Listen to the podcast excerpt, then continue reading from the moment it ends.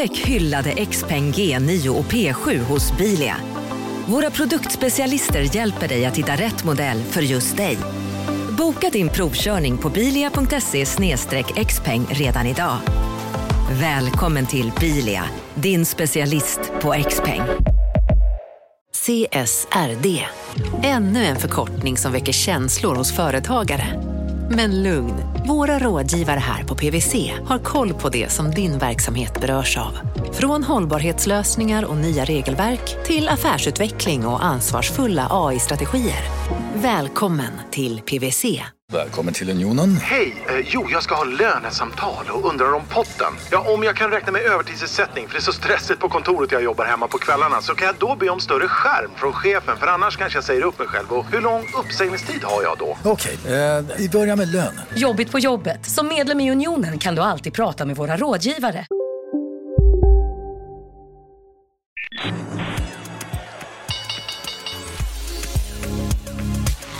Här är Affärsvärlden Magasin med Helene Rådstein.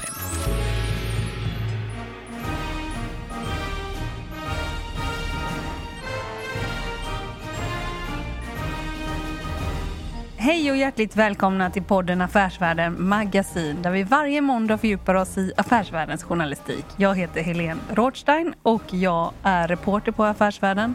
Och nu så är jag här med min kollega Göran Lind. Du är eh, redaktionschef på Affärsvärlden. Välkommen hit. Tack, tack. Kul att vara här. Vi har ju några avsnitt här om årets ledare. Det är ju ett väldigt fint pris kan man säga. Varför är det så fint ledarskapspris? Men dels har det ju funnits väldigt länge, sedan 1984. Eh, dels har vi en väldigt namnkunnig jury. Eh, bland annat sitter ju eh, såväl vd för Industrivärden som Investor där. Det bedrivs ett väldigt seriöst researcharbete innan vi utser årets ledare.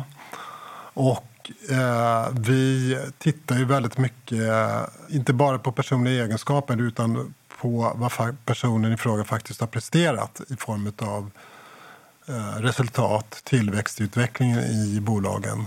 Vad det gäller ledarskap och så, när man sitter i juryn, har du själv lärt dig någonting? Ja, jag skulle säga att jag har lärt mig väldigt mycket. Eh, och kanske ännu mer eh, eftersom jag har gjort långintervjuerna med de som har vunnit. Eh, och det har gett väldigt djupa insikter, tycker jag, på ett sätt som sällan framkommer i annan näringslivsjournalistik. Bland annat Eh, Björn Rosengren som fick priset förra året, då som eh, vd för Sandvik och hur han beskrev arbetet med att decentralisera beslutsstrukturen i bolaget var väldigt, gav väldiga insikter.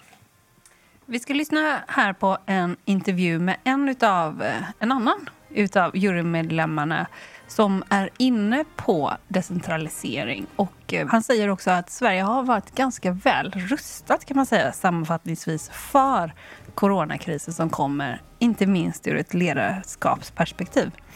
Jag hälsade på PA Consulting och träffade Oskar Almen som är partner där.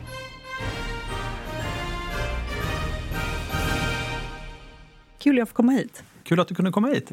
Du sitter också med i juryn till Årets ledare som eh, vi ska utse nu alldeles strax. Vi är tre decennier eh, är vi inne på det. Men du har inte suttit i juryn så länge. Nej, tack och lov, det har jag inte gjort. Även om det har varit väldigt kul de här tre åren som jag varit med. Men annars så sysslar du med energifrågor, eller hur? Det stämmer. Jag är ansvarig för PA Consultings eh, konsultaffär, rådgivning mot energibolag i Norden. Och innan vi börjar prata om ledarskap så ska vi prata lite om energifrågor. Vilka är de två eller tre liksom mest spektakulära energiprojekt vi har i Sverige just nu? Ja, men det är ju osökt så att frågan kring hållbarhet är det som driver allting just nu. Och, eh, det är ju jättehäftigt att se de stora projekten som sker kring Northvolt uppe i Skellefteå, som ett exempel, och även i Västerås. Då, där man skapar en, en hel värdekedja med hållbara batterier för framtidens transport. Jättespännande. Och det är ju jättemycket då, eh, koppling till hela svenska energisystemet som är skälet till varför man har valt just Skellefteå i Sverige för att hålla på med det här. Ett annat jättespännande projekt är Hybrid. Eh, där man då försöker hitta ett sätt att eh, reducera CO2-utsläppen från svensk stålindustri med hjälp av vätgas. Och även det kommer ju då kräva väldigt mycket hållbar energi, eller hållbar el, som insatsråvara. Så det är två stycken projekt som jag tycker är otroligt spännande och det är häftigt att vi håller på med. Fabriken i Skellefteå, kan du säga det bättre? Skellefteå? Fabriken i Skellefteå, den är ju inte helt färdigställd ännu, men det är den där i Västerås. Den har funnits längre, eller hur? Vi som inte följer Northvolt liksom dagligdags, vad är den stora skillnaden mellan de två? Är det produktionen som ska vara uppe i Skellefteå? Exakt. Så, så som det ser ut så är ju Västerås är ju centrum för deras forskning och utveckling primärt. Mm. Eh, och man kommer även att ta fram mindre komponenter i, i Västerås. Men på grund av den, det energibehov man, man har, de stora mängderna av energibehov som man har, eh, så är Skellefteå liksom huvudort eh, för den stora tillverkningen i massproduktion. Då. Och där bygger man nu eh, Eh, egentligen upp första delarna utav, utav den stora produktionsanläggningen. Och det är ju gigantiska projekt, eh, verkligen. Så det är superspännande. Jag, jag törs påstå att det är ett av de största industriprojekten i Sverige just nu. Så det är verkligen häftigt. Men om vi nu ska övergå och prata om ledarskapsfrågor, årets ledare. Hur länge har du varit med i juryn där? Det här är mitt eh, tredje år i juryn. Mm. Och det är ju lite speciellt i år i och med att vi, ja, givet eh, pandemi och covid och alltihopa, så har vi gjort allt eh, juryarbete för första gången på distans. Så vi har suttit via video, som i alla andra möten.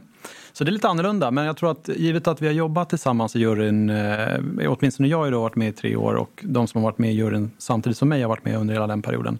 Så vi känner varandra lite bättre nu och det har varit lite enklare att göra det på distans, tycker jag, än om man inte hade känt varandra. Vad tycker du när du blickar tillbaka till de årets ledare som har varit då genom åren? Vad, eh, ser du någon röd tråd där? Absolut, och jag tycker att eh, det är lätt att titta i backspegeln, men att se på den, det ledarskapet som förväntas eh, mer och mer givet det nya normala som vi, som vi lever i med, med efter covid och pandemin och alltihopa, så ser jag, jag ser ett väldigt tydligt, eller väldigt tydligt tråd i den typen av ledare som vi har eh, gett pris till de senaste åren. Eh, vi, har, vi har pratat väldigt mycket om att, att det här med decentraliserat ledarskap är viktigt. Vi har pratat mycket om att kunna leda eh, i en transformation. Att leda genom då, det är ju digitalisering som är den stora transformationen som jag ser eh, för många företag. Den typen av ledarskap, att kunna se en stark vision och kunna få igenom den eh, och kunna aktivera hela sin, ja, sin organisation, alla sina medarbetare. Både genom att ha ett tydligt mål, men också att ta sig igenom svåra transformationer. Där ser jag eh, väldigt tydligt med de ledarna som vi har valt ut de senaste åren. Och den ledartypen kommer bli extremt viktig, tror jag. Eh, dels i det, den situation vi har varit i under hela våren och sommaren med pandemin, men också efter den här pandemin, när vi kommer arbeta och leva, tror jag, på ett annat sätt än vad vi gjort förut. Så att det, det känns verkligen som att eh, de vinnarna som vi har haft de senaste åren verkligen stämmer överens med den ledartyp som vi, som vi behöver. Men tror du att det finns någonting, tror du att eh, om man ser på Sverige, liksom att ledarstrukturen i Sverige har den liksom något, om man ska säga lite hafsigt kanske, något corona-anpassat över sig sedan tidigare? Jag vill påstå, eller det här är min egen personliga observation, jag tror att den, den ledarskapstyp som vi har utvecklat över lång tid i Sverige passar väldigt bra i den typen av osäkerhet som pandemin ledde till. Eh, jag tycker att eh, den ledarskap som, som har utövats nu under pandemin, med bland annat med Anders Tegnell, har ju varit att sätta väldigt tydliga mål och väldigt tydlig ram för vad som, vad som gäller. Och sen har man decentraliserat tryckt ut ansvaret ut till, i pandemin då, till medborgarna att, att hålla sig efter de här reglerna som finns. Och på samma sätt ur ett, ur ett företagsperspektiv så ser jag att den här decentraliserade ledarskapsstilen där man sätter tydliga mål, en tydlig vision och sen ser man till att man inom de ramarna låter ledare i alla olika nivåer av organisationen få utföra det Eh, efter de förutsättningar som råder inom, inom liksom den, den delen av verksamheten. Och det tror jag är ett, ett framgångskoncept för den kunskapsekonomi som Sverige befinner sig i och den utveckling, den, den förändring som behöver ske kontinuerligt i det svenska samhället. Där behöver vi den typen av eh, ansvarstagande längre ut i alla led. Passar det alla då, om man tänker att man ska decentralisera någonting? Finns det någonting... Eh, liksom passar, det, ja, passar det alla personer? skulle du säga? Man kan väl vara nog så duktig och ändå kanske lite oförmögen till att fatta nya beslut, eller? Jo, men så är det väl alltid att, att alla människor oavsett eh, förmåga behöver någon form av trygghet och någon form av rättesnöre att förhålla sig till. Och decentralisering betyder ju inte att man släpper alla fria att göra vad man vill eller att man inte för den delen följer upp eller monitorerar på något vis. Självklart måste man göra det, men, men jag tror att väldigt mycket av den svenska modellen som vi har, det ser vi även i skola och utbildning, att det handlar väldigt mycket om att skapa förutsättningarna för att själv kunna ta ansvar. Och ju mer vi skapar förutsättningarna för att själv ska kunna ta ansvar, desto större är sannolikheten att vi skapar den eh, dels den innovationsförmåga som vi behöver i samhället och inom svenska företag. Vi skapar den kreativitet och den, liksom, den tillhörighet som man behöver. Ehm, så, att, så att det handlar väldigt mycket om att ta sitt personliga ansvar ehm, men att då självklart hålla sig inom ramen för vad som är utriktat som mål eller utpekat som, som eh, eh, den vision eller riktning som man ska åt. Men det är ju ganska intressant. Det är ju också i Sverige väldigt stora företag. Om vi tar till exempel Atlas Copco, de har 27 olika divisioner till exempel. Där det är, varje divisionschef har ju väldigt stort ansvar. Liksom. Och jag vet att Mats Ramström, vd där, sa någon gång att det är liksom det roligaste jobbet du kan ha. För du ansvarar ändå för något litet, eller det är ju liksom som ett eget litet företag i företaget. så att säga.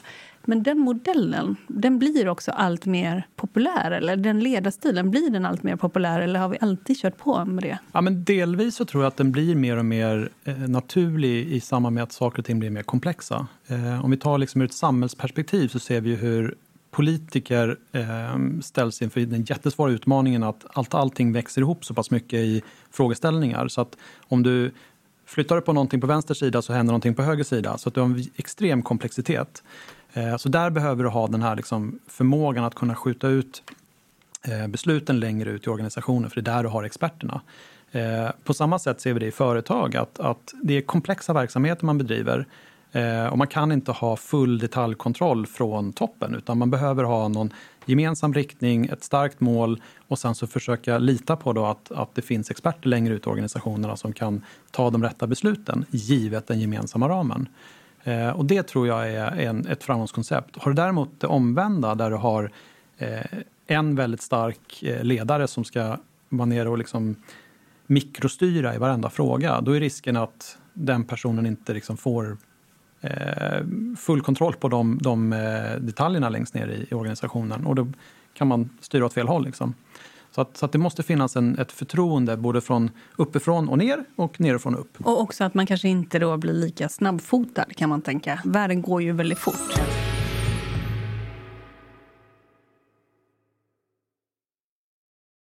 Marknaden sponsras av SPP, pensionsbolaget. Eh, förra gången pratade vi lite om ITP. Och som en kort repetition så, så var det ju 70-tal, arbetsmarknadens parter bestämde att alla tjänstemän ska ha en tjänstepension. Man kom överens om vilka villkor som ska gälla i den här pensionen och så kallade man den för ITP. Så jobbar man idag som tjänsteman i ett företag med kollektivavtal, då har man förmodligen den här pensionen, ITP-pensionen. Eh, och det är ju så att man kan påverka eh, den här pensionen, hur den är placerad. Vart femte år så gör nämligen Collectum, som de heter, en enorm upphandling där olika pensionsbolag kan ansöka om att få förvalta eh, de här pensionerna. Och SPP är ett av bolagen som valdes ut i den senaste upphandlingen. Och sen kan du som pensionssparare välja eh, vilket av de här olika pensionsbolagen som, som då ska få ta hand om dina pengar. Och tanken med den här upphandlingen är ju att liksom kvalitetssäkra de här olika alternativen eh, men också att förhandla fram stora rabatter så att pensionsspararna ska få ja, kunna spara pengar genom att avgifterna eh, som är så viktiga eh, blir eh, lägre. Och vill man välja någonting i ITP-systemet då finns det en relativt ny sajt som heter avtalat.se. Ehm, där kan man gå in och se hur sin ITP-pension är placerad. Jag gjorde det häromdagen faktiskt. Ehm, idén är att hälften av pengarna alltid ligger i något som kallas för traditionell försäkring. Det här gjorde vi ett avsnitt om i podden Kapitalet nyligen eh, som vi kallade världens bästa sparform. kan man lyssna på om man är intresserad. Eh, den andra halvan eh, den kan man också lägga i en traditionell försäkring eller så kan man placera det i något som kallas för fondförsäkring. Eh, SPP som sagt eh, var ju ett av de fåtal bolagen som valdes ut i den senaste upphandlingen och de finns med som alternativ både med en traditionell försäkring och med eh, fonder. Så det var en liten bakgrund till ITP-systemet. Vill man läsa mer om det här eller typ kolla hur ITP-pensionen är placerad, eh, kanske göra förändringar, då går man in på avtalat.se. Eh, men tack säger jag till SPP som vill göra oss människor mer medvetna om hur enormt viktig pensionen är för oss som en framtida lön, men också som en positiv kraft i samhället eh, och förstås för att ni möjliggör eh, den här podden Marknaden. Du lyssnar på Affärsvärlden Magasin med Helene Rådstein. Finns det någonstans, tycker du, där auktoritärt ledarskap faktiskt eh, passar? Det finns ju massor med exempel på där man behöver ha den typen av liksom, starkare hierarki. Eh, nu var det länge sedan jag gjorde lumpen, men, men det här var ju ett exempel på liksom, att man hade en tydligare ordergivning och en tydligare liksom, hierarkisk, eh, en hierarkisk eh, uppsättning av ledarskapet. Eh, jag kan tänka mig att det finns massa andra sammanhang där, där den typen av ehm, ledarskap passar bättre såklart. Men om man tänker sig ur det stora perspektivet på eh, företag som, som står inför en, någon form av förändringsresa eh, där ens marknad eller ens produkter eller ens konkurrenter förändras över tid så tror jag på det här liksom att man trycker ut ansvaret i att försöka förstå respektive fråga längre ut i organisationen. Säger den ledarskapsstilen någonting om den tidsandan vi befinner oss i? Ja, men det tycker jag den gör. Den, den eh, speglar väl den här komplexiteten som, som vi har pratat om. Att, att det är, eh, det är så, såna otroligt komplexa orsakssamband i allting eh, och det går så väldigt, väldigt fort. Så att det krävs att du, att du vågar lita på att, att kreativiteten och innovationen eh, faktiskt frodas längre ut i organisationen. Eh, och det, det, handlar också om en, en, det är en mångfaldsfråga det här också. Är att, eh, på samma sätt som att vi, att vi eftersträvar mångfald för att det är, det är så vi speglar vårt samhälle så är det också så att du vill ha mångfald i, i innovation. Eh, och då kanske det är så att den bästa idén lika gärna kan komma underifrån som uppifrån.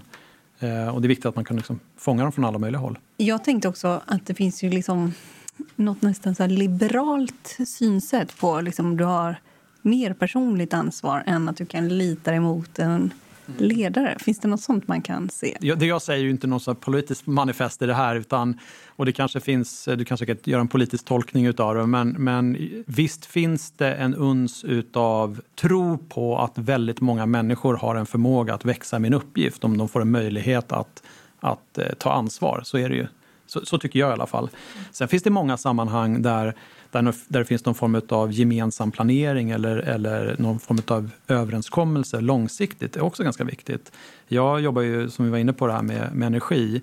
Om vi tittar på de energiöverenskommelser som var eh, blocköverskridande för, eh, och som Sverige var väldigt duktig på för, för ett antal år sedan. Där kan jag ju känna att man, jag saknar den enigheten inom politiken. Att man bestämmer sig för att det är det här som gäller. Det är det här som gäller, precis. Just nu står vi i en som jag vill eh, påstå den lite av en kapacitetskris i Sverige där vi har flaskhalsar i, i det svenska elsystemet. Eh, det finns platser i Sverige där det blir energibrist, södra Sverige framförallt då.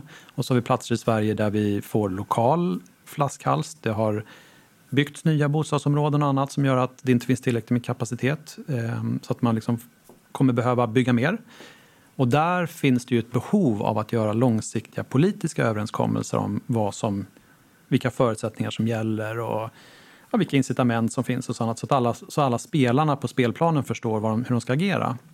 Eh, och där kan ju bristen då vara på, om man har för decentraliserat, att, att alla får göra precis vad de vill eller utefter efter bästa förmåga, så finns det inte en gemensam liksom, grundplan som alla följer. Så det kan vara en brist. Mm. Utan liksom att hoppa efter det, det, kinesiska systemet, för det är inte det, eh, återigen inte en politisk utspel, men man, man, kan ju helt klart säga att Kina har ju lyckats göra en otrolig tillväxtresa baserat på att de har gjort en, liksom en, en väldigt kontrollerad plan hela vägen. Mm. Där man har sagt, satt ett auktoritärt styre i att det här ska vi göra, det här ska vi göra, det här ska vi göra. Och så har man följt planen. Och, och det är ju det är ju en jättestor demokratisk eh, utmaning i det. Ehm, men samtidigt så har ju de å andra sidan åstadkommit en, en ekonomisk tillväxt som varit helt otrolig. Så, så det är ju en balansgång hela tiden med vad, vad, man vill, vad man vill åstadkomma.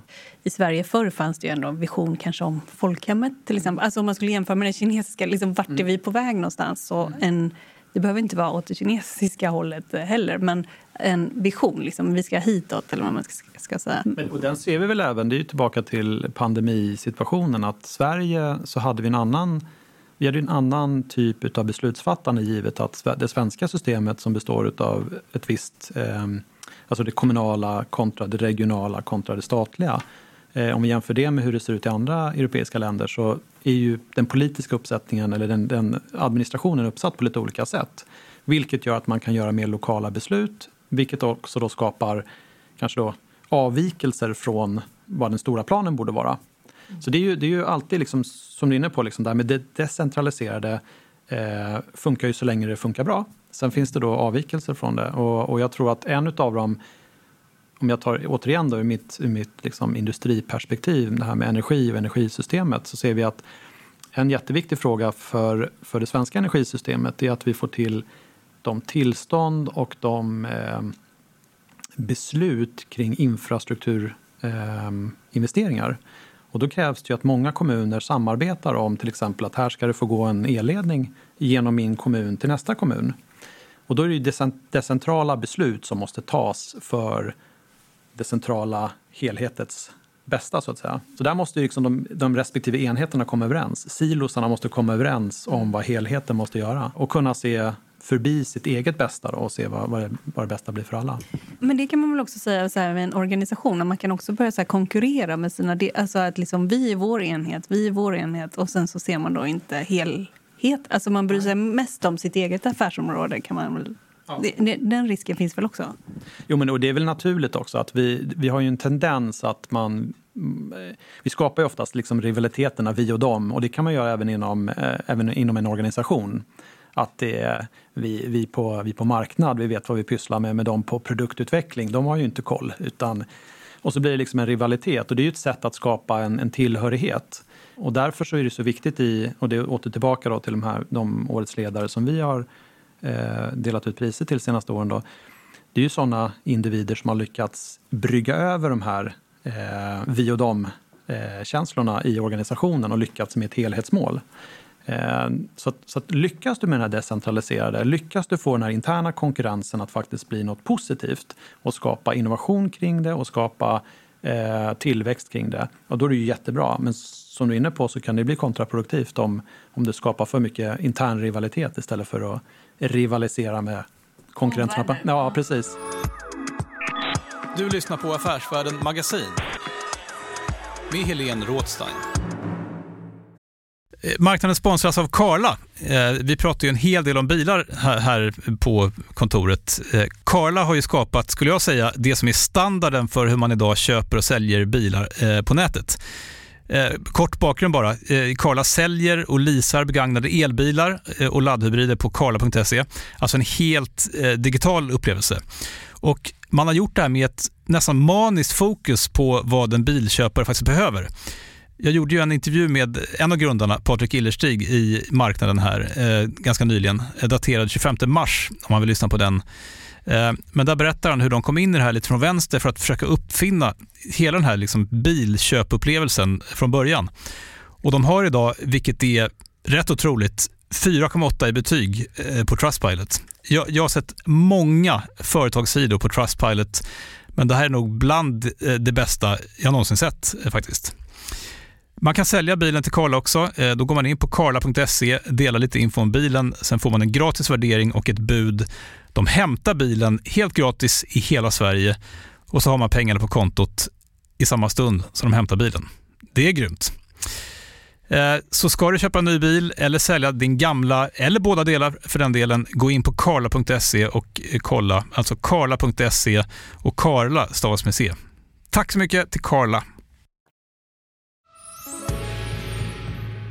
Men om vi säger juryn, det är en ganska namnkunnig jury. Du sitter där och det är eh, mannen med Svartlings eh, managing partner Jan Dernestam, det är Johan Forsell från Investor, det är Helena Stjärnholm från Industrivärden. Ja, men det är ju många, liksom, väldigt namnkunnig jury.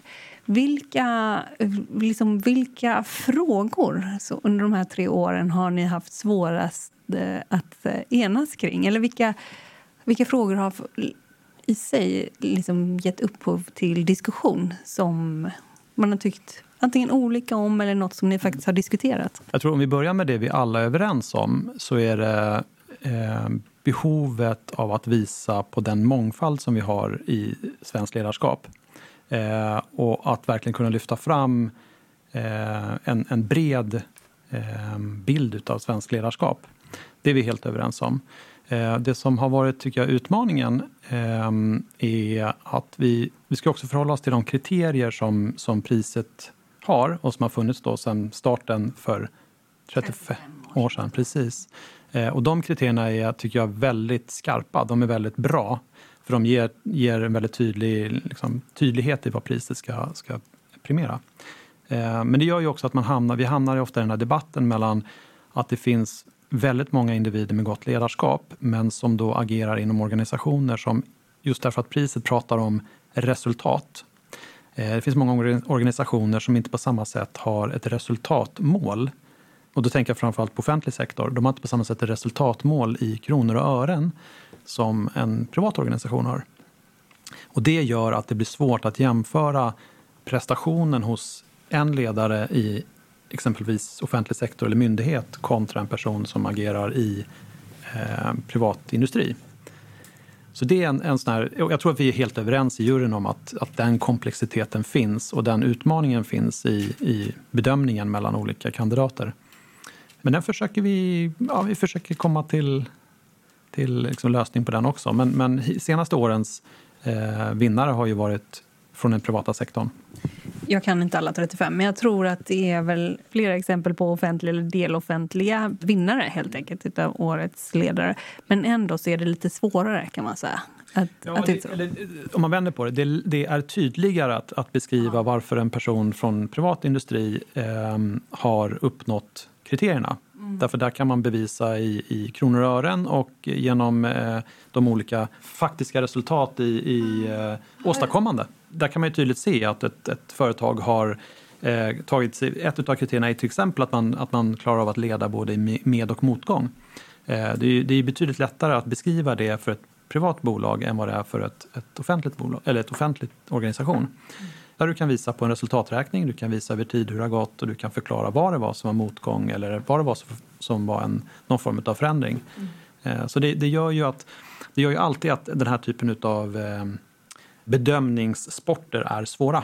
Bedömningssporter, det är ju ganska bra ord. Ja, men jag tror samtidigt då, givet, och det var, det var kanske där frågan började, givet den, den eh, mångfald som vi har i juryn eh, och de otroliga insikterna vi har i juryn i svenskt näringsliv och svensk industri och svensk eh, företagande så tror jag att vi har en bra representation för, eh, för vad vi tillsammans uppfattar som bra ledarskap. Ja, för det är ju också så, liksom också som eh, på konsultsidan eh, så träffar man ju väldigt många olika företag. Absolut. Och sen så är det ju också så att eh, Industrivärden och Investor de samlar i sig också många olika företag och vi på Affärsvärlden träffar väldigt många. Alltså det är lite så spindlar i näringslivet ändå ju. Ja, jag kan bara hålla med. Jag kan bara hålla med. Nej, men det, är ju, det är ju ett av de stora, om jag pratar från mitt eget perspektiv, ett av det mest fantastiska med det jobb jag har. Det är ju att jag får träffa så många otroligt duktiga ledare eh, på alla nivåer i företag. Mm. Eh, och det, det, är ju i princip det jag gör på daglig basis. Eh, och det är ju en helt fantastisk möjlighet mm. att eh, kunna liksom eh, se och jämföra och bedöma vad, vad, vad, folk gör på olika sätt och hur man, hur man tar sig an olika svåra uppgifter. Det är jättehäftigt. Mm. Kan du säga två egenskaper som du tycker att en bra ledare har och två dåliga egenskaper som en ledare kan ha? Två, två utvecklingsområden är ju helt klart att nej men vara öppen för din omvärld och vara öppen för de förändringar som sker. Eh, det som jag ser som en begränsning hos ledare det är folk som har bestämt sig för hur världen är och inte tänker ändra sig kring det. Eh, det leder oftast inte till något bra. Men det finns gott om sådana.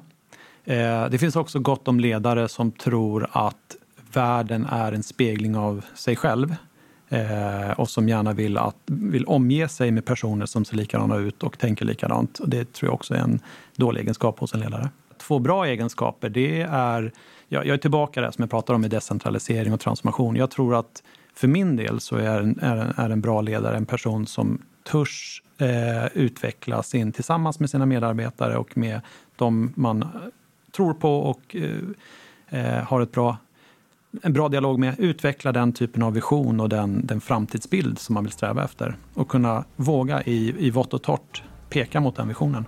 Jag säger tack till dig, Oskar Almén på PA Consulting, för att du var med i podden Affärsvärlden. Tack så jättemycket. Och kul att du sitter med i juryn också. Ja, det tycker jag med. Tack. Tack.